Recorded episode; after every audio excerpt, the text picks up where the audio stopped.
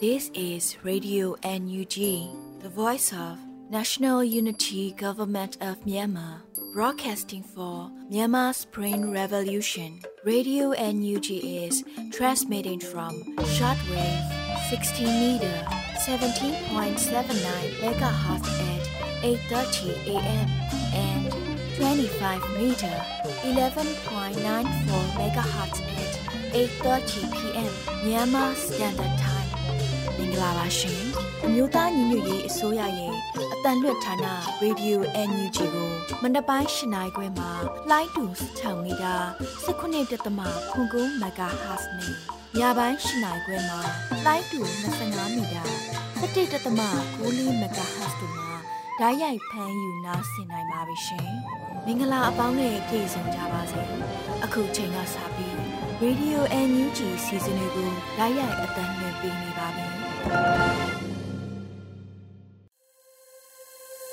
မြန်မာနိုင်ငံသူနိုင်ငံသားအပေါင်းတဘာဝပြီးဆရာနာရှင်ပြီးကနေကင်းဝေးပြီးကိုစိတ်နှစ်ပါးဘေးကင်းလုံခြုံကြပါစေလို့ရေဒီယိုအန်ယူဂျီဖွယ်သားများကဆုတောင်းမြတ်တာပို့သလာရပါတယ်ရှင်။အခုချိန်ကစပြီးကာကွယ်ရေးဝန်ကြီးဌာနရဲ့စီးရေးသတင်းချင်းချုပ်ကိုတော့မောင်ကျူးမှဖတ်ကြားတင်ပြပေးပါရမရှင်။မြို့သားညညရေးအစိုးရ ကာကွယ်ရေးဝန်ကြီးဌာနကထုတ်ပြန်တဲ့နေ့စဉ်စီးရေးသတင်းချင်းချုပ်ကိုတင်ပြပါတော့မယ်ခင်ဗျာ။စင်းမြရာစစ်ကောင်စီတပ်သား6တေဆုံးပြီး3ဦးတရားရရှိကြောင်းသိရှိရပါတယ်။စစ်ကောင်စီနဲ့တိုက်ပွဲဖြစ်ပွားမှုသတင်းများကိုပထမဦးစွာတင်ပြပါမယ်ခင်ဗျာ။ဝန်ကြီးနယ်မှာ2022ခုနှစ်အောက်တိုဘာလ6ရက်နေ့မနက်9:30မိနစ်ခန့်ကရင်းမြို့နယ်ရင်းမြို့အခြေဆိုင်အမတ316ရဲ့ကိန်းလေးကိုဝန်ကြီးနယ်ခြေပြုတော်လိုင်းရေးအဖွဲ့ MSRO က 40မမနဲ့တွားရောက်ဖြစ်ခဲ့ကြရာစစ်ကောင်စီတပ်သားများထိခိုက်ဒေဆုံးမှုရှိပြီးဈေးကိုအတိမပြုနိုင်သေးကြောင်းသိရှိရပါတယ်။အော်တိုဘာလ9ရက်နေ့မနက်10:00နာရီခန့်ကကြိုက်ထုံမြို့နယ်ကင်မွန်ချောင်းကျေးရွာကြိုက်ထီတောင်ကြီးရှိကင်မွန်ချောင်းနယ်မြေရဲစခန်းကိုကရင်မျိုးသားလူမျိုးရေးတပ်မတော် KNL နဲ့ပြည်သူ့ကာကွယ်ရေးတပ်မတော် PDF ပူးပေါင်းတပ်ဖွဲ့များကဒရုန်းနဲ့တိုက်ခတ်ခဲ့ရာ၎င်းရဲစခန်းတွင်ပောက်ကွဲမှုဖြစ်ခဲ့ပေမဲ့ရဲတပ်ဖွဲ့များထိခိုက်မှုမရှိဘဲအဆောက်အအုံချို့သာထိခိုက်ပျက်စီးခဲ့ပါတယ်။ စစ်ကောင်စီတပ်သားများကလက်နက်ကြီးလက်နက်ငယ်များနဲ့ပစ်ခတ်မှုကြောင့်အနီးနားပတ်ဝန်းကျင်ကဒေသခံပြည်သူများဘေးလွတ်ရာကိုယာယီထွက်ပြေးတိမ်းရှောင်နေရကြောင်းသိရှိရပါတယ်။စကိုင်းတိုင်းမှာအော်တိုဘား6ရက်နေ့ကမုံရမန္တလေးအမြန်လမ်းပေါ်စစ်ကောင်စီတပ်သားများတင်ဆောင်လာတဲ့22ဘိန်းပါကွန်တိန်နာကားတစ်စီးကိုမြင်းမှုချောင်းလမ်းပိုင်းတနေရာတပ်ဖတ်တဂရန်9000ကျဲဖွဲ့နေသူ 1LPDF TG1R အထူးကြောက်ကြားတပ် Supreme Soldier မျိုးရဲဘော်ဒီမုံကြောက်ကြားတပ်တို့ပူးပေါင်းပြီးစောင့်ကြိုမိုင်းဆွဲတိုက်ခိုက်ခဲ့ရာစစ်ကောင်စီတပ်သား9ဦးသေဆုံးခဲ့ကြောင်းသိရှိရပါတယ်။ပဲခူးတိုင်းမှာ အော်တိုဘလ9ရက်နေ့နေ့လယ်2နာရီခန့်ကပောက်ခေါင်းမြို့နယ်ပောက်ခေါင်းမြို့မှာပြူစောတိဖွဲ့ရန်စီယုံပြောင်းလာတဲ့ရဲတပ်ဖွဲ့ကိုတပန်းကုန်းအုပ်စုကုန်းရင်းကျေးရွာနီးရုံဖြူတောင်ကျောင်းနယ်မင်းလန်းကျေးရွာကြားမှာပြည်ခိုင်ကာကွယ်ရေးတပ်ဖွဲ့ကစောင့်ကြိုတိုက်ခတ်ကြရာရဲတအုပ်တည်ဆုံပြီးရဲနှုတ်နဲ့ပြူစောတိတအုပ်ပြင်းထန်ဒဏ်ရာရရှိခဲ့ပါတယ်။စကောင်စီကကျွလွန်တဲ့ရာဇဝတ်များအကြောင်းကိုဆက်လက်တင်ပြပါမယ်ခင်ဗျာ။ကချင်ပြည်နယ်မှာအော်တိုဘလ6ရက်နေ့နေ့လယ်12နာရီခန့်က မိုးကောင်းမြို့နယ်မိုးကောင်းမြို့အိုတန်းရက်ကွက်ကအမျိုးသားဒီမိုကရေစီအဖွဲ့ချုပ် NLD ပါတီအမျိုးသမီးလုပ်ငန်းကော်မတီဥက္ကဋ္ဌဒေါက်ခိုင်မာမြင့်ရဲ့နေအိမ်ကိုစစ်ကောင်စီတပ်ကလာရောက်ချိတ်ပေးသွားကြောင်းသိရှိရပါတယ်။ခင်းပြည်နယ်မှာအော်တိုဘာလ6ရက်နေ့နက်ပိုင်းကကရင်မျိုးသားစီယုံတပ်မှ6နယ်မြေဒူပလာယာခရိုင်ဝင်းရီမြို့နယ်အတွင်းရှိမက်ကတာဘုံကြီးကျောင်းဝင်းတွင်ကိုစစ်ကောင်စီရဲ့မော်ဘီလီတက်စကန်ကလေရင်၃စီးနဲ့ဘုံကျဲတက်ခတ်ကြရာဘုံကြီးကျောင်းမှာမိလောင်ပျက်စီးသွားပြီးတန်ဃာတော်တစ်ပါးဒဏ်ရာရရှိခဲ့ပါတယ်။ နေဝင်းညမနေတဲ့ပြည်သူများထိတ်လန့်ကြောက်ရွံ့ပြီးအသက်ဘေးလွတ်ရာကိုထွက်ပြေးတင်းရှောင်နေရကြောင်းသိရှိရပါတယ်။ရခိုင်ပြည်နယ်မှာအော်တိုဘလ6ရက်နေ့ကမြောက်ဦးမြို့နယ်လက်ကောက်ဈေးရက်ကွက်တွင်နေထိုင်သူရတနာပါလနာရေးကုညီမှုတင်ဥက္ကဋ္ဌအသက်50ဝန်းကျင်ရှိဦးကျော်ညွန့်ကိုစစ်ကောင်စီတပ်ဖွဲ့ဝင်များကဖမ်းဆီးခေါ်ဆောင်သွားကြောင်းသိရှိရပါတယ်။အော်တိုဘလ9ရက်နေ့ည8:30မိနစ်ခန့်ကမင်းများမြို့နယ်ငဆိုင်ရိုင်းချောင်းနီး မင်းရွာနားမှာတပ်ဆွဲထားစစ်ကောင်စီတပ်လက်နက်ကြီးများနဲ့ပစ်ခတ်၍မင်းပြားမြို့နယ်ကျန်းတိုင်ကြီးရွာကအသက်48နှစ်အရွယ်ရှိဒေါ်စိန်အေးလူရဲ့တရောင်စစ်လေဘင်းနဲ့ကျောတို့မှာထိခိုက်ဒဏ်ရာရရှိခဲ့ပြီးနေအိမ်နဲ့ပျက်စီးသွားကြောင်းသိရှိရပါတယ်။အော်တိုဘာလ9ရက်နေ့ည8နာရီခန့်ကမင်းပြားမြို့နယ်မင်းပြားမြို့တရင်များဖြစ်တဲ့ခမရ389 380 541တိုက်ရင်3ရင်တို့ကတိုက်ပွဲဖြစ်ပွားခြင်းမရှိဘဲကြားပိုက်ကြီးရွှေချောင်းတစ်ပုတ်တောင်တာယာကုန်းတောင်ရှိပင်တကုံကန်တာရေငန်းချီကလောင်းပြင် ကံချောင်းမြောင်ချောင်းကြောက်ခုတ်ခမောင်းတော်ဝက်ခေါင်းစတဲ့ကျေးရွာများဘက်ကိုလက်နက်ကြီးများနဲ့ဒရဇက်ပစ်ခတ်နေကြောင်းသိရှိရပါတယ်။စကိုင်းတိုင်းမှာအော်တိုဘာလ6ရက်နေ့မနက်7:00နာရီခန့်ကကမ်ဘလူမြို့နယ်မြောက်ချမ်းရှိဇော်ချောင်းကျေးရွာကိုစစ်ကောင်စီတပ်သားများကဝင်ရောက်ပြီးနေအိမ်များကိုမိရှုဖျက်ဆီးနေကြောင်းသိရှိရပါတယ်။အော်တိုဘာလ6ရက်နေ့နေ့လယ်2:55မိနစ်ခန့်ကဗမောက်မြို့နယ်စီးမော်တောင်ကြီးရွာတဝိုက်မြကျွန်းသာရွာအနီးတစ်ဝိုက်ကြောက်အံရွာအနီးတစ်ဝိုက်ကိုစစ်ကောင်စီတပ်ကတပ်လီရင်၃စီးနဲ့အဆက်မပြတ်ပစ်ခတ်လျက်ရှိတဲ့အတွက် နေအိမ်များမိလောင်ပျက်စီးနေပြီးဒေသခံရွာသားများထောင်ချီလျက်ထွက်ပြေးတိမ်းရှောင်နေရကြောင်းသိရှိရပါတယ်။အော်တိုဘာလ6ရက်နေ့မနက်9:00နာရီခန့်ကမြောင်မြို့နယ်မင်းလာကြေးရွာမှာအဂုလ4ရက်နေ့ကဝင်ရောက်စစ်ကြောင်းထုတ်ခဲ့တဲ့စစ်ကောင်စီတပ်သားများကနေအိမ်များမှာမိုင်းများထောင်ထားခဲ့တဲ့အတွက်အသက်60အရွယ်ဒေါ်တင်ဆန်းနေအိမ်မျိုးကြောင့်တွင်မိုင်းနှင်းမိတွေတည်ဆုံးခဲ့ကြောင်းသိရှိရပါတယ်။အော်တိုဘာလ6ရက်နေ့မနက်10:45မိနစ်ခန့်ကကမ်ဘလူမြို့နယ်လူကြီးကြေးရွာကစစ်ကောင်စီတပ်သားများ ဇော်ချောင်းကြေးရွာကိုဥတီထွက်ခွာခဲ့ပြီးမနက်7:40မိနစ်မှာဇော်ချောင်းကြေးရွာရှိနေအိမ်များကိုမိရှုဖျက်ဆီးခဲ့ကြောင်းသိရှိရပါတယ်။မန္တလေးတိုင်းမှာအော်တိုဘာလ6ရက်နေ့နေ့လယ်10:35မိနစ်ခန့်မှာတောင်သာမြို့နယ်ဆယ်တော်ဖုန်ကြီးကျောင်းထဲကိုစစ်ကောင်စီကားရှစ်စီးနဲ့ဝင်ရောက်နေက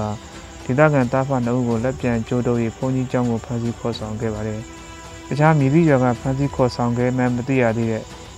ပြည်သူတအုပ်ကိုပါဖမ်းဆီးခေါ်လောင်ပြီးစုစုပေါင်းပြည်သူ၃ကိုဖမ်းဆီးထားကြောင်းသိရှိရပါတယ်။ ရန်ကုန်တိုင်းမှာအော်တိုဘာလ9ရက်နေ့မနက်10:05မိနစ်ခန့်ကမင်္ဂလာတောင်ညွန့်မြို့နယ်ကွန်ဒိုတိုက်60ခုပေါ်ကိုစစ်ကောင်စီအဖွဲ့မှအင်အားအများပြားနဲ့ဝင်ရောက်ခဲ့ပြီးဂျပန်စာတင်ကြားနေတဲ့အမျိုးသားအများပြားကိုဖမ်းဆီးသွားခဲ့ကြောင်းသိရှိရပါတယ်။အော်တိုဘာလ9ရက်နေ့ကလဲကူးမြို့နယ်စီရကွင်းလမ်းဆောင်ရှိဒိုမီတာစုထမင်းဆိုင်ကအမျိုးသားတအုပ်နဲ့အမျိုးသမီးတအုပ်ကိုစစ်ကောင်စီဖွဲ့ဝင်များကဖမ်းဆီးသွားခဲ့ကြောင်းသိရှိရပါတယ်။ယခုတင်ပြခဲ့တဲ့နေ့စဉ်စီးရီးသတင်းချင်းချုပ်ကို မြေပြင်သတင်းတာဝန်ခံများနဲ့သတင်းဌာနများကဖော်ပြထားတဲ့အချက်များပေါ်အခြေခံပြုစုထားတာဖြစ်ပါတယ်။ကျွန်တော်မောင်ကျူပါ။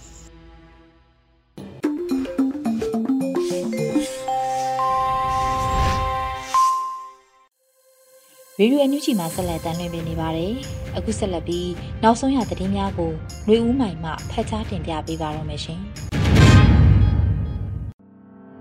မင်္ဂလာမနက်ခင်းပါရှင်။ အခုချိန်ကစပြီး Radio UNG ရဲ့မနက်ခင်းသတင်းများကိုဖတ်ကြားပေးပါရမယ်။ကျွန်မຫນွေဦးမိုင်ပါ။စစ်ကောင်စီအနေနဲ့၎င်းတို့နေမြေထိန်းချုပ်လာနိုင်မှုရော်နေလာတာနဲ့မျှကျွတ်မနိုင်ကြီးမီးရှို့တဲ့လုံရများကိုပြောင်ပြောင်တင်းတင်းပြုတ်လုလာတဲ့လို့ပြည်တော်စုဝင်ကြီးချုပ်ပြောကြားလိုက်တဲ့သတင်းကိုဦးစွာတင်ပြပေးပါမယ်။စစ်ကောင်စီအနေနဲ့၎င်းတို့နေမြေထိန်းချုပ်လာနိုင်မှုရောနေလာတာနဲ့မျှကြက်မနိုင်ကြီးမီးရှို့တဲ့လုပ်ရများကို ပြောင်ပြောင်တင်းတင်းပြုတ်လုလာတယ်လို့ပြည်တော်စုဝင်ကြီးချုပ်မန်ဝင်းခိုင်တန်းကပြောကြားလိုက်ပါတယ်။အောက်တိုဘာ6ရက်ကျင်းပတဲ့ဂျားကာလဒေသန္တရပြည်သူ့အုပ်ချုပ်ရေးဖော်ဆောင်မှုဗဟိုကော်မတီအစည်းအဝေးအမှတ်စဉ်31မြင်းဆောင်2022မှာဝင်ကြီးချုပ်ကပြောကြားခဲ့ပါတယ်။စစ်ကောင်စီအနေဖြင့်၎င်းတို့နယ်မြေထိန်းချုပ်လာနိုင်မှုရောနေလာသည့်နှင့်မျှကြက်မနိုင်ကြီးမီးရှုသည့်လူရဲများကိုပြောင်ပြောင်တင်းတင်းပြုတ်လုလာမှုကြောင့်အပြစ်မဲ့ပြည်သူများ၏ အသက်အိုးအိမ်စီးစိမ်များစွာဆုံးရှုံးမှုဖြစ်ပေါ်လက်ရှိပါကြောင်းအဆိုပါအခြေအနေများကိုမိမိတို့အစိုးရမှတက်ဆွမ်းသည့်ဘက်မှဝိုင်းဝန်းထောက်ပံ့ကူညီပေးနေမှုများကိုလည်းပြည်သူလူထုကိုစားကျေးဇူးတင်ရှိပါကြောင်းမိမိတို့၏လုံနိုင်စွမ်းကိုလည်းနိုင်ငံတကာမှသိရှိကာအတိမတ်ပြုမှုများရှိလာပါကြောင်းမိမိတို့အစိုးရအဖွဲ့ဝင်များစွမ်းဆောင်ချက်များသည့်တော်လှန်ရေးအပေါ်တိုက်ရအကျိုးသက်ရောက်မှုများဖြစ်ပေါ်စေသဖြင့် တက်ငီလက်ငီဝိုင်းဝန်းကြိုးပမ်းဆောင်ရွက်ပေးကြပါရန်လိုအပ်ပါကြောင်းပြောကြားခဲ့ပါတယ်။တက်ရောက်လာကြသောကြားကာလဒေသန္တရပြည်သူ့အုပ်ချုပ်ရေးဖော်ဆောင်မှုဗဟိုကော်မတီအဖွဲ့ဝင်များမှ30မြင်းဆောင်2022တွင်ချမှတ်ထားသောဆုံးဖြတ်ချက်များရှေ့လုပ်ငန်းစဉ်များနှင့်ပတ်သက်၍ပြီးစီးမှုအခြေအနေများနှင့်ဆက်လက်ဆောင်ရွက်ရန်ကြံရှိနေသည့်လုပ်ငန်းစဉ်များကိုချပြရှင်းလင်းပြီးဝင်ကြီးဌာနလိုက်ဆောင်ရွက်ထားရှိသည့်ကိစ္စရပ်များပေါ်တက်ရောက်လာသောတာဝန်ရှိသူများမှ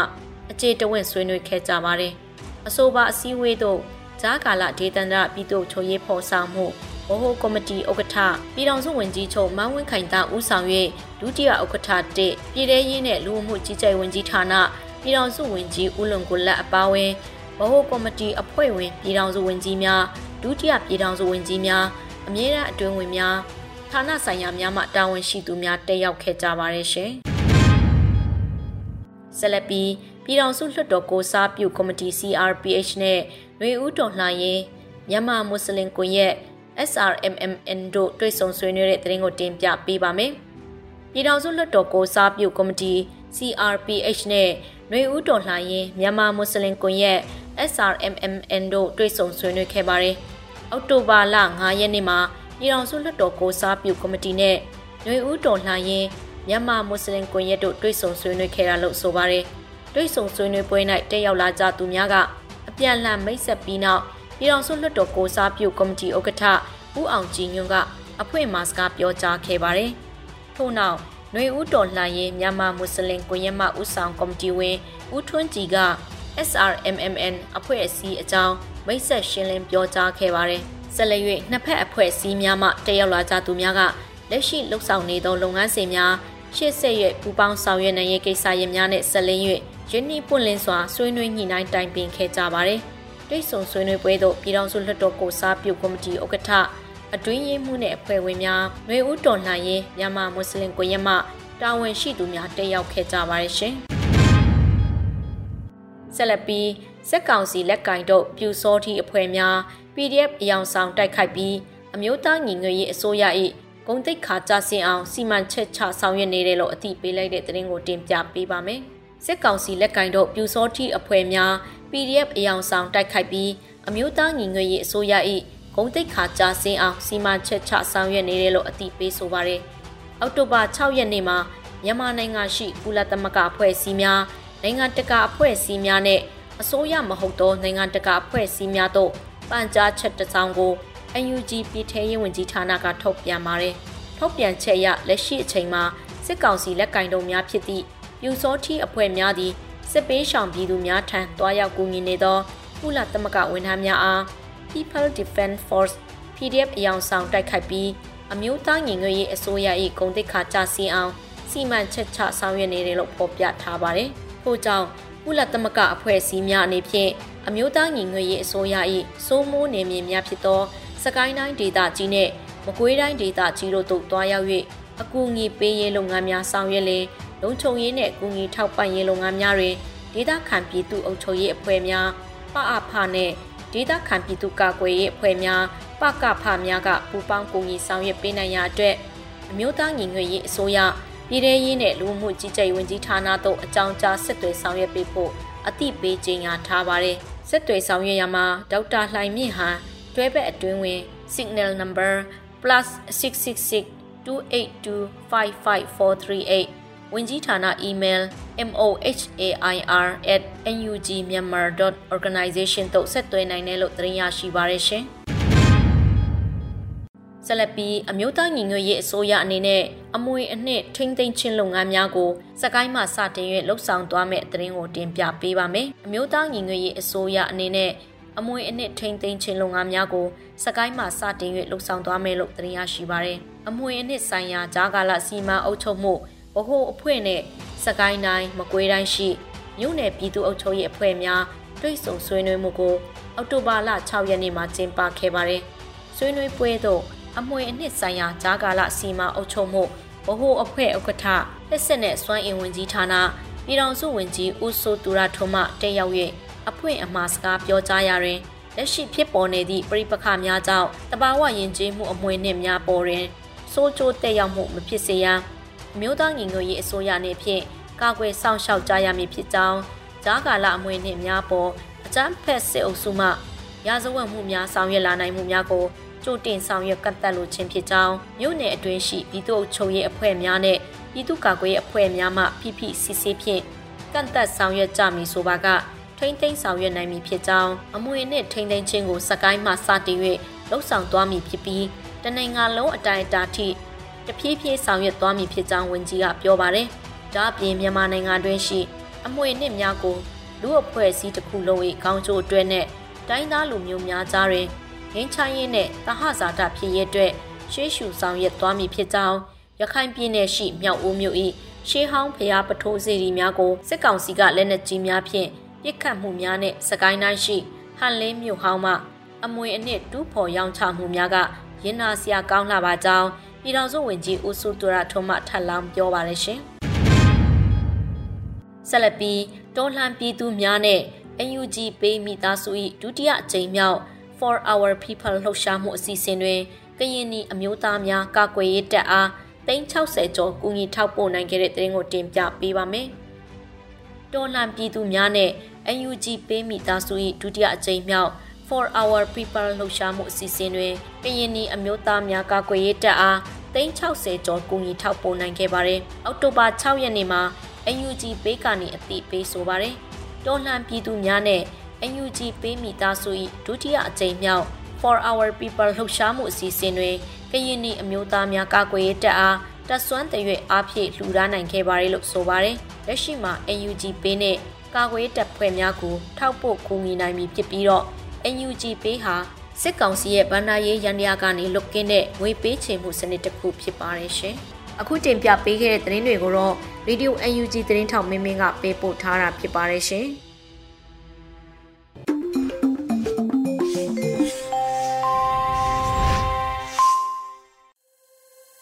ရေဒီယိုအန်ယူဂျီကိုနားဆင်နေကြတဲ့ပရိသတ်များရှင်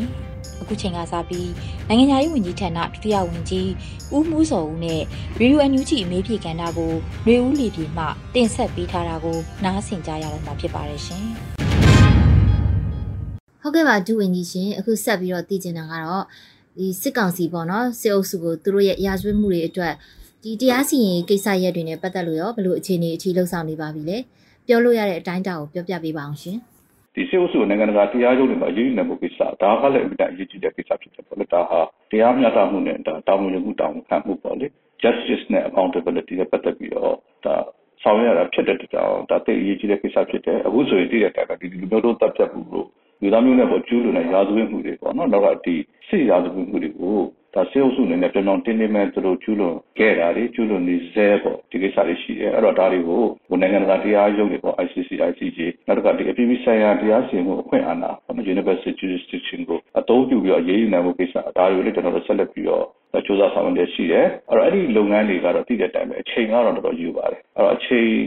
ကာလကြာတော့အပြင်အဲကျွန်တော်တို့မှာရှိတဲ့ဒီအချက်လက်တွေထောက်ထားတွေနဲ့ပေါ့နော်စနစ်တကျပြုစုပြီးတဲ့အခါကျတော့ဒီ sales ကနေပြီးတော့တရားစီရင်နေလို့ကနေပြီးတော့မှကင်းလွတ်နေတာမျိုးမရှိအောင်ပေါ့နော်တဘော impunity ရနေတာမျိုးမရှိအောင်ကျွန်တော်တို့ကဒါကိုဒီကြောင်ဆက်ပြီးတော့လုပ်ဖို့လိုအပ်နေတာဖြစ်ပါတယ်ဒီ impunity ရှိနေသေးတွေကတော့သူတို့ကဒီလိုမျိုးဟော impedance ရက်ဆက်ချမ်းကြုံတဲ့ရာဇဝတ်မှုတွေကိုကျူးလွန်ဖို့အတွက်ကိုသူတို့အနေနဲ့ဝင်လေးမှာမဟုတ်ဘူးဒါဆက်လက်ပြီးတော့ကျူးလွန်နေမှာပဲအဲ့တော့ကျွန်တော်တို့ကဒီတရားတဲ့ ဥပဒေအရတရားတဲ့နီလန်းအရပဲဒီတရားမျှတဖို့ထုတ်ဖို့ဆိုတဲ့ဟာကအင်တာအရေးကြီးပါတယ်အဲ့တော့ကျွန်တော်တို့အခုဆိုရင်မြေပြင်မှာစိုးမိုးနိုင်တဲ့အခြေအနေတချို့တွေလည်းရှိလာပြီဆိုတော့ကျွန်တော်ကျွန်တော်တို့ရဲ့ဒီနိုင်ငံတကာမှာတရားစွဲဆိုရေးနေတဲ့ကိစ္စတွေနဲ့မြေပြင်ကိစ္စတွေလည်းဆက်ဆက်ပြီးတော့ဆောင်ရွက်ဖို့လည်းလိုပါတယ်အဲအရင်တော့ကျွန်တော်တို့ကဒီပြည်တွင်းမှာရှိတဲ့တရားစီရင်ရေးကိုလုံးဝအသုံးပြုလို့မရတဲ့အတွက်ကြောင့်ကျွန်တော်တို့နိုင်ငံတကာတရားစီရင်မှုကိစ္စတွေကိုပို့ပြီးတော့အားကိုးလာတာဖြစ်တယ် ဒါပေမဲ့ပြည်တွင်းမှာလည်းကျွန်တော်တို့ရေးယူနိုင်တဲ့အခြေအနေတွေတရားဆွဲဆိုနိုင်တဲ့အခြေအနေတွေပေါ်ပေါက်လာပြီဆိုတော့လည်းတပြိုင်နက်ကျွန်တော်တို့ပြည်တွင်းရဲ့တရားစီရင်ရေးနဲ့အသုံးပြုပြီးတော့ဆက်လက်ပြီးရေးယူဆောင်ရွက်မှုကိုလည်းစ조사ဆောင်ရွက်သွားမှာဖြစ်ပါတယ်အဲ့တော့အဲ့ဒီလိုမျိုးနိုင်ငံတကာရဲ့တရားစီရင်မှုရန်ရာတွေကိုအသုံးပြုတဲ့အခါမှာတော့နိုင်ငံတကာဥပဒေပညာရှင်တွေနိုင်ငံတကာဥပဒေအဖွဲ့အစည်းတွေပေါ့နော်သူတို့ရဲ့အကူအညီဆောင်ပေးမှုတွေလည်းရှိတယ်အဲ့သူတို့မှတကယ်နာမည်ကြီးပေါ့နော်အကျိုးဆောင်ကြီးတွေအကျိုးဆောင်အဖွဲ့ကြီးတွေနဲ့ဆက်လက်ညှိနှိုင်းဆောင်ရွက်ပြီးတော့ကျွန်တော်တို့တိကျမှပြီးတော့တရားယူဆက်ချက်မှတ်ပြီးလုပ်ရတာလည်းရှိတယ်အဲ့ဒီလိုလုပ်တဲ့အခါမှာလည်းကျွန်တော်တို့နိုင်ငံခြားရေးဝန်ကြီးဌာနအနေနဲ့ကဒီလူ့ quyền ဝန်ကြီးဌာနတို့တရားရေးဝန်ကြီးဌာနတို့ပြည်ထောင်ဝန်ကြီးဌာနစသဖြင့်ပေါ့နော်ဒီလိုဝန်ကြီးဌာနတွေနဲ့လည်းချိတ်ဆက်ညှိနှိုင်းပြီးတော့ဆောင်ရွက်ရတာဖြစ်ပါတယ်ဥပမာပြင်ကျွန်တော်တို့ဒီ ICC ပေါ့နော်ဆိုလို့ရှိရင်ဒါကျွန်တော်တို့ရောမသဘောတူညီချက်စာချုပ်ဆိုတာရှိတယ်ပေါ့နော်ဒီနိုင်ငံတကာရှားစွဲတရားရုံးရဲ့သဘောတူညီချက်စာချုပ်ပေါ့ဒါအောင်ဆိုတော့ကျွန်တော်တို့လက်မှတ်ထိုးနိုင်အောင် စ조사နေတာရှိတယ်တခြားသောနိုင်ငံတကာသဘောတူညီချက်တွေပေါ့နော်ဒါကိုလည်းလက်တွေ့အပြင်မှာသုံးပြုနိုင်အောင်ပေါ့နော်ကျင့်သုံးနိုင်အောင်ဂျနီဗာကွန်ဗင်းရှင်းဆိုလို့ရှိရင်ဒါစနစ်တကျပြည်မှာလည်းကျင့်သုံးနိုင်အောင်လည်းကျွန်တော်ဆောင်ရွက်ရတာရှိတယ်အဲဒီလိုဆောင်ရွက်နိုင်ဖို့တက်ကိုလည်းဒီဥပဒေရပြင်ဆင်ရတာတွေရှိတယ်ပေါ့နော်အဲတော့ကျွန်တော်တို့တစ်ချိန်မှာလိုအပ်တဲ့ဥပဒေတွေကိုလည်းပြန်ပြင်ဖို့လိုတာရှိတယ်နိုင်ငံစံနှုန်းနဲ့မကိုက်ညီတဲ့ဥပဒေတွေကိုဒါဖျက်သိမ်းရမှာဖြစ်ဖြစ်ပြင်ဆင်တာဖြစ်ဖြစ်ကျွန်တော်ဆောင်ရွက်မှာဖြစ်တဲ့အတွက်ဒါတွေကိုလည်းသက်ဆိုင်ရာဝန်ကြီးဌာနများနဲ့ပေါ့နော်သက်ဆိုင်ရာ အဖွဲ့အစည်းများလည်းညှိနှိုင်းပြီးတော့ဆောင်ရွက်နေရတာရှိပါတယ်အဲ့ဒီလိုဆောင်ရွက်တဲ့အခါမှာလည်းနိုင်ငံတကာပညာရှင်တွေအဖွဲ့အစည်းတွေပေါ့လေနောက်ပြီးတော့သူတို့တော့ကိုစားပြုကော်မတီစသဖြင့်သူတို့နဲ့လည်းညှိနှိုင်းပြီးဆောင်ရွက်တာလည်းရှိပါတယ်အဲ့ဒီလိုရင်းညာနေနဲ့ပတ်သက်တဲ့ကိစ္စဆိုလို့ရှိရင်လည်းကျွန်တော်တို့ပေါ့နော်ဒီတပ်ဖြတ်မှုတွေရာဇဝတ်မှုကျူးလွန်မှုတွေလူ့အခွင့်ချိုးဖောက်မှုတွေပေါ့နော်ဒါတွေနဲ့ပတ်သက်ရင်လည်းကျွန်တော်တို့ခြေညက်ချက်တစ်ခုထုတ်ပြန်ထားတာရှိတယ်သဘောထားပေါ့နော်အဲ့ဒီသဘောထားတိုင်းလည်းလက်တွေ့လွတ်ဆောင်နေပဲကိစ္စတွေတော့ကိုလည်းရှေ့ရှုပြီးတော့ဆောင်ရွက်နေတာတွေရှိပါတယ်တနည်းအားဖြင့်ဆိုလို့ရှိရင်တော့ကျွန်တော်တို့ ကျွန်တော်နိုင်ငံတကာမှာပေါ့လေကျွန်တော်တို့နိုင်ငံရဲ့အရေးပို့ပြီးတော့နိုင်ငံတကာလည်းအယုံဆက်မှုရရှိလာအောင်ကူညီစံပိုးမှုတွေရရှိလာအောင်တစ်ချိန်တည်းမှာလည်းဒီအကူအညီတွေကိုအသုံးပြုပြီးတော့တကယ်တရားမျှတမှုကိုကျွန်တော်တို့တိုက်ပြီးတော့ပေါ်ဆောင်နိုင်အောင်ကြိုးပမ်းဆောင်နေတဲ့ကိစ္စတွေဖြစ်ပါတယ်ဟုတ်ကဲ့ပါအခုလိုမျိုးမြန်မာအရေးကိုဖြည့်ရှင်းနေရတဲ့အချိန်တွေမှာပေါ့နော်နိုင်ငံခြားရေးဝန်ကြီးဌာနအနေနဲ့ကနိုင်ငံတကာမျက်နှာစာမှာတန်တမန်ရေးရာကိစ္စရပ်တွေမှာဆောင်ရွက်တဲ့နေရာမှာလုပ်ငန်းသဘောရပေါ့ဘယ်လိုမျိုးအခြေအနေတွေရှိနေပါပြီလဲရှင်ဘယ်လိုမျိုးအခက်အခဲအကြက်တဲတွေရှိပါလဲရှင် အဲ့တော့ကျွန်တော်တို့အရေးကြီးဆုံးကိစ္စတစ်ခုကတော့ကျွန်တော်တို့နိုင်ငံပြဿနာကိုဖြေရှင်းမယ်ဆိုလို့ရှိရင်ကျွန်တော်တို့နိုင်ငံမှာအားလုံးလက်ခံနိုင်တဲ့ Federal Democracy အခြေခံဥပဒေကြီးတစ်ခုပေါ်ပေါက်ဖို့လိုနေပါတယ်အဲ့တော့ဒီအခြေခံဥပဒေကြီးပေါ်ပေါက်ဖို့ကိစ္စအသေးဖယ်ထားပြီးတော့မြန်မာအရေးကိုဖြေရှင်းဖို့ကြိုးစားမယ်ဆိုလို့ရှိရင်ဘယ်လိုမှမဖြစ်နိုင်ဘူးပေါ့နော်စသဖြင့်ပေါ့လေကျွန်တော်တို့မှာဒီနိုင်ငံတကာနဲ့စဉ်းစားမယ့်ကိစ္စတွေဒါတွေကိုလည်းကျွန်တော်တို့နိုင်ငံတကာအဖွဲ့အစည်းတွေပဲဖြစ်ဖြစ်နိုင်ငံတွေပဲဖြစ်ဖြစ်ထိတွေ့ပြီးတော့ပြောဆိုပြီးဆောင်ရွက်နေတာတွေရှိပါတယ် အဲ့တော့ဒီဒေသတွင်းမှာတော့ဟိုတည်တဲ့တိုင်းနိုင်ငံကြီးတွေရဲ့အင်အားကြီးနိုင်ငံတွေရဲ့အားပြမှုတွေကတော့ရှိတယ်အဲ့တော့ဒီအားပြမှုတွေ ကတော့တစ်ဖက်ပေါ့နော်ဒါပေမဲ့တော့ကျွန်တော်တို့နိုင်ငံနဲ့ပတ်သက်တဲ့အရေးပါတော့နိုင်ငံကြီးများရဲ့ဘုံသဘောထားတည်းဘုံသဘောတူညီချက်တွေကိုတော့ရှိဖို့လိုတယ်အဲ့ဒီလိုဘုံသဘောတူညီချက်ရှိပါလေလက်တွေ့ချက်ကြပေါ့နော်ပေါင်းဆက်စုစည်းပြီးတော့ကျွန်တော်တို့ကိုပူညီပံ့ပိုးနိုင်မှာဖြစ်တယ်အဲ့တော့အဲ့ဒီလိုပူညီနဲ့ပံ့ပိုးနိုင်ဖို့အတွက်လို့လည်းအဲ့ဒီနိုင်ငံတွေကြားထဲမှာလည်းဆွေးနွေးညီနိုင်မှုတွေလိုအပ်တယ်အဲ့ဒီလိုဆွေးနွေးညီနိုင်မှုတွေဖြစ်လာဖို့အတွက်ဆိုလို့ရှိရင်ကျွန်တော်တို့ကလည်းတက်နိုင်ကြများပေါ့နော်ကိုယ့်ရဲ့အခန်းကဏ္ဍပေါ်ခြေခံပြီးတော့အပြုသဘောပူပေါင်းဆောင်ရွက်တော့မှာဖြစ်ပါတယ်အဲ့တော့နိုင်ငံတကာမိတ်ဆွေတွေပေါ့နော်နိုင်ငံတကာမိတ်ဆွေကျွန်တော်တို့ရဲ့မိတ်ဆွေနိုင်ငံများရဲ့ကြားပေါ့နော်ဒါကကျွန်တော်တို့ရဲ့အင်အားစုအစုံကြီးပေါ့အမျိုးသားညီညွတ်ရေးဆိုအပြီးဆုံးပြည်တော်စုလွှတ်တော်ဝသားပြုကော်မတီရောဒီတိုင်းသားဒေါ်လာရေးဖွဲ့စည်းတွေရောဒီလူဒေါ်လာရေးအင်အားစုတွေအားလုံးပေါင်းပြီးတဲ့အခါကျတော့ဒီအဆိုပြုမှုတွေပေါ့နော်ဒါပူးတွဲပြီးတော့ကျွန်တော်တို့ညီနိုင်ဆောင်ရွက်ပြီးတော့စီယုံမှုတွေဒါတွေလည်းကျွန်တော်တို့ဆောင်ရွက်နေတာတွေရှိပါတယ်။ဒါနဲ့ပတ်သက်တဲ့အခက်အခဲတွေတော့ရှိတယ်တိုးတော်လည်းဒါကိုစုပေါင်းပြီးတော့ကျွန်တော်တို့စုပေါင်းသဘောထားတွေပေါ်ထုတ်ပြီးတော့ဆောင်ရွက်နေတဲ့အတွက်ကြောင့်ဒါဟိုပေါ့လေတချို့ဥပမာပြပြီးခဲ့တဲ့ ကျွန်တော်တို့နယူးယောက်မှာကုလသမဂ္ဂထွေထွေညီလာခံရဲ့ site line ပေါ့အဲသူတို့အထွေထွေဒီဆွေးနွေးပွဲပေါ့လေ general debate ကာလအတွင်းမှာဆိုလို့ရှိရင်သက်ဆိုင်ရာနိုင်ငံများနဲ့ကျွန်တော်တို့တွေ့နိုင်ခဲ့တယ်တွေ့ပြီးတဲ့အခါကျတော့ကျွန်တော်တို့စုပေါင်းပြီးတော့ပဲပေါ့လေတချို့နိုင်ငံတွေကိုလည်းကျွန်တော်တို့သဘောထားတွေကိုပြောဆိုနိုင်ခဲ့တာတွေရှိတယ်ပေါ့လေအဲ့တော့ဒါတွေကတော့ဘာပဲဖြစ်ဖြစ်ဒါတိုးတက်မှုတွေလို့ပြောလို့ရပါတယ်ဒီအခက်အခဲတွေကတော့လည်းရှိပါတယ်အခက်အခဲတွေဆိုတဲ့ဟာကပြည့်တဲ့အတိုင်းပဲအခုကျွန်တော်တို့ကနိုင်ငံတကာမှာဆောင်ရွက်နေတဲ့အချိန်မှာပဲရုရှားနဲ့ယူကရိန်းစစ်ပွဲဖြစ်ပေါ်လာတဲ့အခါမှာနိုင်ငံတကာအာရုံကလည်းဒီအဲ့ဒီစစ်ပွဲပွဲပူရောက်တဲ့အခါကျတော့ကျွန်တော်တို့ဘက်ကိုအာရုံစိုက်မှုနဲ့တဲ့ကိစ္စတွေဖြစ်လာတယ်အဲနောက်တစ်ခါကျွန်တော်တို့ဒေသတွေမှာလည်းဒီပြိုင်ဆိုင်မှုတွေပေါ့နော်ဒေသတွင်းမှာရှုပ်အင်အားကြီးနိုင်ငံများရဲ့တင်းမာမှုတွေပေါ်ပေါက်လာတဲ့အခါကျတော့ကျွန်တော်တို့နိုင်ငံအရေးကိုပေါ်တော့အာရုံစိုက်ဖို့ကနည်းနည်းကျော်နေတော့တို့ဖြစ်တဲ့ကိစ္စမျိုးတွေရှိတယ်စသဖြင့်ဒီလိုမျိုးနိုင်ငံတကာရဲ့နိုင်ငံရေးခင်းချင်းအခြေအနေပေါ်မူတည်ပြီးတော့ကျွန်တော်တို့ရဲ့နိုင်ငံရဲ့အရေးကလည်းစိတ်ဝင်စားမှုအမျိုးမျိုးအတက်ကြတွေရှိတယ်ဒီပေါ်မှာမူတည်ပြီးကျွန်တော်တို့ကတော့ပေါ်တော့နိုင်ငံတကာအာရုံစိုက်မှုရောက်အောင်ရောက်အောင်ရှိအောင်တော့တက်တဲ့နေကြကြိုးစားပြီးဆောင်ရွက်ရတာရှိပါတယ် ကျွန်တော်တို့ဒေသတွင်းနိုင်ငံတွေရဲ့အရေးကြီးမှုကျွန်တော်တို့ဒေသတွင်းဆိုတာအထူးသဖြင့်ကျွန်တော်တို့ရဲ့ပတ်ဝန်းကျင်အိန္ဒိယနိုင်ငံတွေနဲ့လည်းလက်ရှိအဖြစ်တက်နိုင်တဲ့ကျွန်တော်တို့ထိတွေ့ပြီးတော့ဒါဆက်သွယ်ရရှိအောင်လုပ်ပြီးတော့နောက်ကျွန်တော်တို့ရဲ့သဘောထားတွေကိုသိရှိအောင်ကြိုးစားဆောင်ရွက်နေတာလည်းရှိတယ်ဒါနဲ့ပတ်သက်ပြီးတော့လည်းဒီဘက်နောက်ပိုင်းမှာဆိုရင်တော်လေးအောင်မြင်တယ်လို့ပြောလို့ရတယ်ထိုက်တဲ့နဲ့ဆက်သွယ်ဆောင်ရွက်မှုတွေရလာတယ်လို့လည်းပြောလို့ရပါတယ်ဟုတ်ကဲ့ပါလက်ရှိအချိန်ထိပေါ့အသက်ဆိုင်ရာနိုင်ငံအလိုက် NUG အစိုးရကိုယ်စားလှယ်ရုံးတွေပေါ့ဗနေရုံးအထိ ဖွင့်လှစ်ထားနိုင်ပါပြီလေနောက်ပြီးတော့သက်ဆိုင်ရာနိုင်ငံအလိုက်ပေါ့မြန်မာနိုင်ငံသားတွေနေထိုင်ခွင့်ဗီဇာနဲ့ဗီဇာသက်တမ်းတိုးတာတွေ passport စာအုပ်လုပ်တာမျိုးတွေပေါ့အဲ့နေရာတွေမှာအခက်အခဲရှိနေတယ်လို့ဆိုနေကြတဲ့အပေါ်မှာပေါ့ရောဟို NUG အစိုးရအနေနဲ့ဘယ်လိုမျိုးတွေကူညီပေးသွားဖို့ရှိမလဲရှင်အဲ့တော့ဒီနိုင်ငံတကာမှာလည်းကျွန်တော်တို့အနေနဲ့နိုင်ငံရဲ့ကိုယ်တိုင်ကဖန်နိုင်တဲ့တချို့နိုင်ငံတွေမှာမတော့အမှဂျပန်တို့ကိုရီးယားတို့ UK တို့နော်ဝေးပြင်သစ်တော့ချက်နိုင်ငံ ဩစတြေးလျနိုင်ငံစသဖြင့်ဒီနိုင်ငံတွေမှာဆိုလို့ရှိရင်ကျွန်တော်တို့ကိုယ်တိုင်ခံထားနိုင်တယ်ရုံးခန်းတွေလည်းဖွင့်နေဖွင့်နေနိုင်တယ်ပေါ့နော်တချို့နိုင်ငံတွေမှာတော့ကျွန်တော်တို့ကိုယ်တိုင်ခံထားနိုင်တဲ့အနေအထားတော့မရှိသေးဘူးသို့တော်လည်းကျွန်တော်တို့အဲ့ဒီမှာရှိတဲ့ဒီ UGCR based support group တွေပေါ့လေဒီထောက်ခံအားပေးတဲ့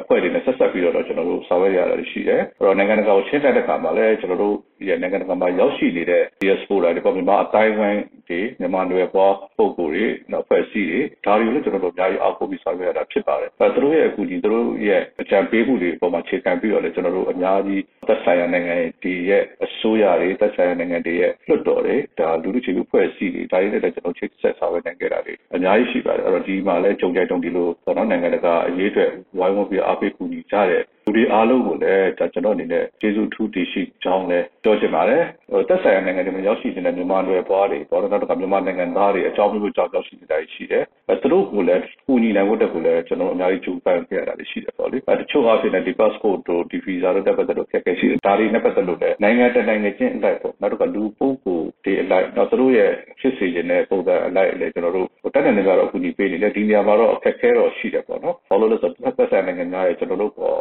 ရေချိန်ပေါ့တိမှတ်ပြမှုအနေထားပေါ်လိုက်ပြီးတော့နိုင်ငံတကာနိုင်ငံချင်းလိုက်ကျွန်တော်ဆက်ဆံဆောင်ရွက်ရတာပြီးတော့ရှိတဲ့အတွက်ကြောင့်ချို့ကြက်ကြဲလည်းရှိတယ်ဒါပေမဲ့လို့တချို့လည်းလက်တွေ့ကျကျကျွန်တော်တို့အခုညီပေးနိုင်တာတွေလည်းအများကြီးရှိခဲ့တယ်ပေါ့လေအဲ့တော့ဒါတွေကတော့ကျွန်တော်တို့အနေနဲ့ကျွန်တော်တို့မှာအရင်းမြစ်ပေါ်မူတည်ပြီးတော့ရှိတဲ့အခြေအနေပေါ့ရှိတဲ့အနေအထားပေါ်မှာခြေခံပြီးတော့တက်နိုင်တဲ့အခုညီပံ့ပိုးဆောင်ရွက်ခဲ့တာတွေဖြစ်ပါတယ်ဟုတ်ကဲ့ပါဒုဝန်ကြီးရှင်ဒီຫນွေဥတော်လည်းရေးအောင်မြင်ဖို့ဆိုလို့ရှိရင် နိုင်ငံခြားရေးဝန်ကြီးဌာနအနေနဲ့ပေါ့နော်ပြည်သူကိုပါခြင်းတဲ့သတင်းစကားရှိရင်လည်းဒီနေရာကနေပြောပြပေးပါအောင်ရှင်ဆက်လက်ပြီးတော့လည်းပေါ်လို့ကျွန်တော်တို့အနေနဲ့ကတော့လက်ရှိမြေပြင်မှာဖြစ်ပေါ်နေတဲ့အခြေအနေတွေပေါ်မှာမူတည်ပြီးတော့ကျွန်တော်တို့အမျိုးသားညီညွတ်ရေးဆိုရရဲ့အခြားသောဝန်ကြီးဌာနများနဲ့လည်းပူးပေါင်းပြီးတော့ပြီးတော့နိုင်ငံတကာမှာရှိတဲ့ကျွန်တော်တို့ရဲ့မိတ်ဆွေများနိုင်ငံအဖွဲ့အစည်းများပေါ်နိုင်ငံတော်မှာရှိတဲ့ကျွန်တော်တို့ရဲ့မြန်မာနွယ်ဖွားနိုင်ငံသားများစသဖြင့်အားလုံးရဲ့အကူအညီနဲ့ကြိုးပမ်းပြီးတော့ဆက်ပြီးတော့ဆောင်ရွက်တော့မှာဖြစ်ပါတယ်။အားလုံးကလည်းဝိုင်းဝန်းကူညီပေးဖို့လည်းဒီနေ့ကနေကျွန်တော်မြတ်တာရက်ခံတော့ပါတယ်။အားလုံးကျေးဇူးတင်ပါတယ်ခင်ဗျာ။ ဟုတ်ကဲ့ပါရှင်ရေဒီယို NUG အတွက်ကိုအခုလိုအချိန်ပေးပြီးတော့ဖြေကြားပေးတဲ့အတွက်ဒုဝန်ကြီးကိုအထူးပဲကျေးဇူးတင်ရှိပါတယ်ရှင်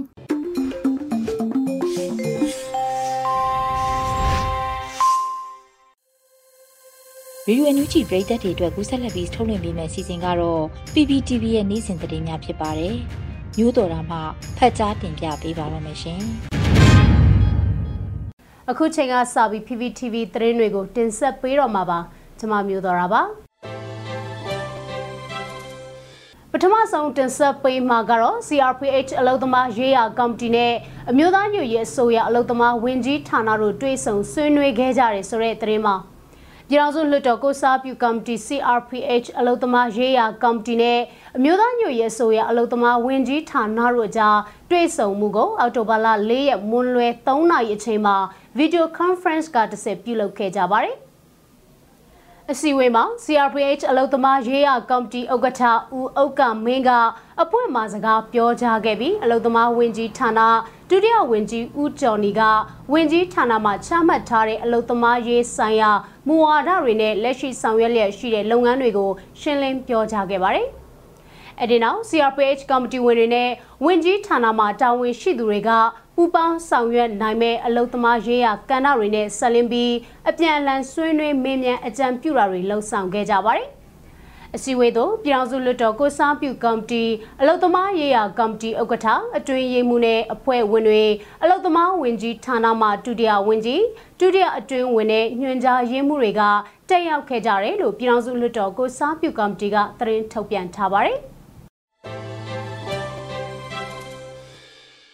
ဆက်လက်တင်ဆက်ပေးမှာကတော့ပြည်ထောင်စုလွှတ်တော်ကိုစားပြုကော်မတီ CRPH ရဲ့ပြည်သူ့ရေးရာကော်မတီနဲ့အမျိုးသမီးလူငယ်နဲ့ကလေးသူငယ်ရေးရာကော်မတီတို့တွဲဆုံဆွေးနွေးမှုတွေပြုလုပ်ခဲ့တယ်ဆိုတဲ့သတင်းမှာ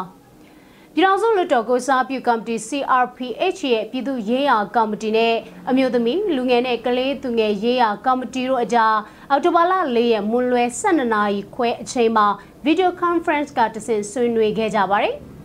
တွဲဆုံဆွေးနွေးပွဲမှာပြည်သူ့ရေးရာကော်မတီဥက္ကဋ္ဌဒေါက်တာခင်စိုးစိုးကြီးက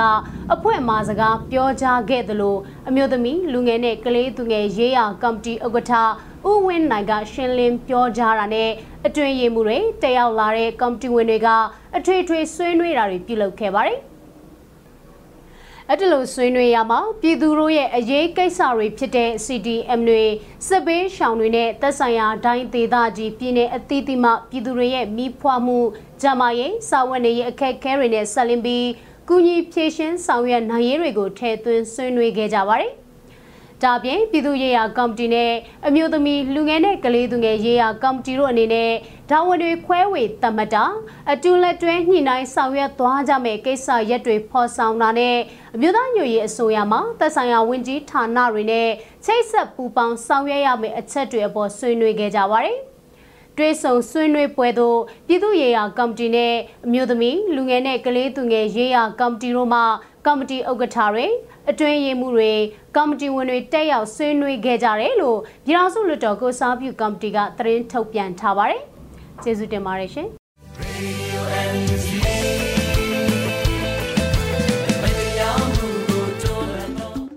ဒီကနေ့ကတော့ဒီညနေပဲ Radio NUG ရဲ့အစီအစဉ်လေးကိုခေတ္တရနာလိုက်ပါမယ်ရှင်မြန်မာစံတော်ချိန်မနေ့၈နိုင်ခွဲနဲ့ည ၈နိုင်ခွဲအချိန်တွေမှာပြောင်းလဲဆိုပြကြပါလို့ရှင် Radio NUG ကိုမနေ့ပိုင်း၈နိုင်ခွဲမှာလိုင်းတူ16မီတာ19.7 MHz နဲ့ညပိုင်း၈နိုင်ခွဲမှာလိုင်းတူ25မီတာ17.6 MHz တို့မှာဓာတ်ရိုက်ဖမ်းယူနာဆင်နိုင်ပါပြီရှင်။မြန်မာနိုင်ငံသူနိုင်ငံသားများကိုစိတ်နှပြချမ်းမာချမ်းသာလို့ဘေးကင်းလုံခြုံကြပါစေလို့ Radio NUG အဖွဲ့သူအဖွဲ့သားများကဆုတောင်းလိုက်ရပါတယ်။ San Francisco Bay Area အခြေဆိုင်မြမမိသားစုများနိုင်ငံတကာကစေတနာရှင်များလို့အားပေးကြရဲ့ Radio NUG ဖြစ်ပါတယ်ရှင်။အရေးတော်ပုံအောင်ရမည်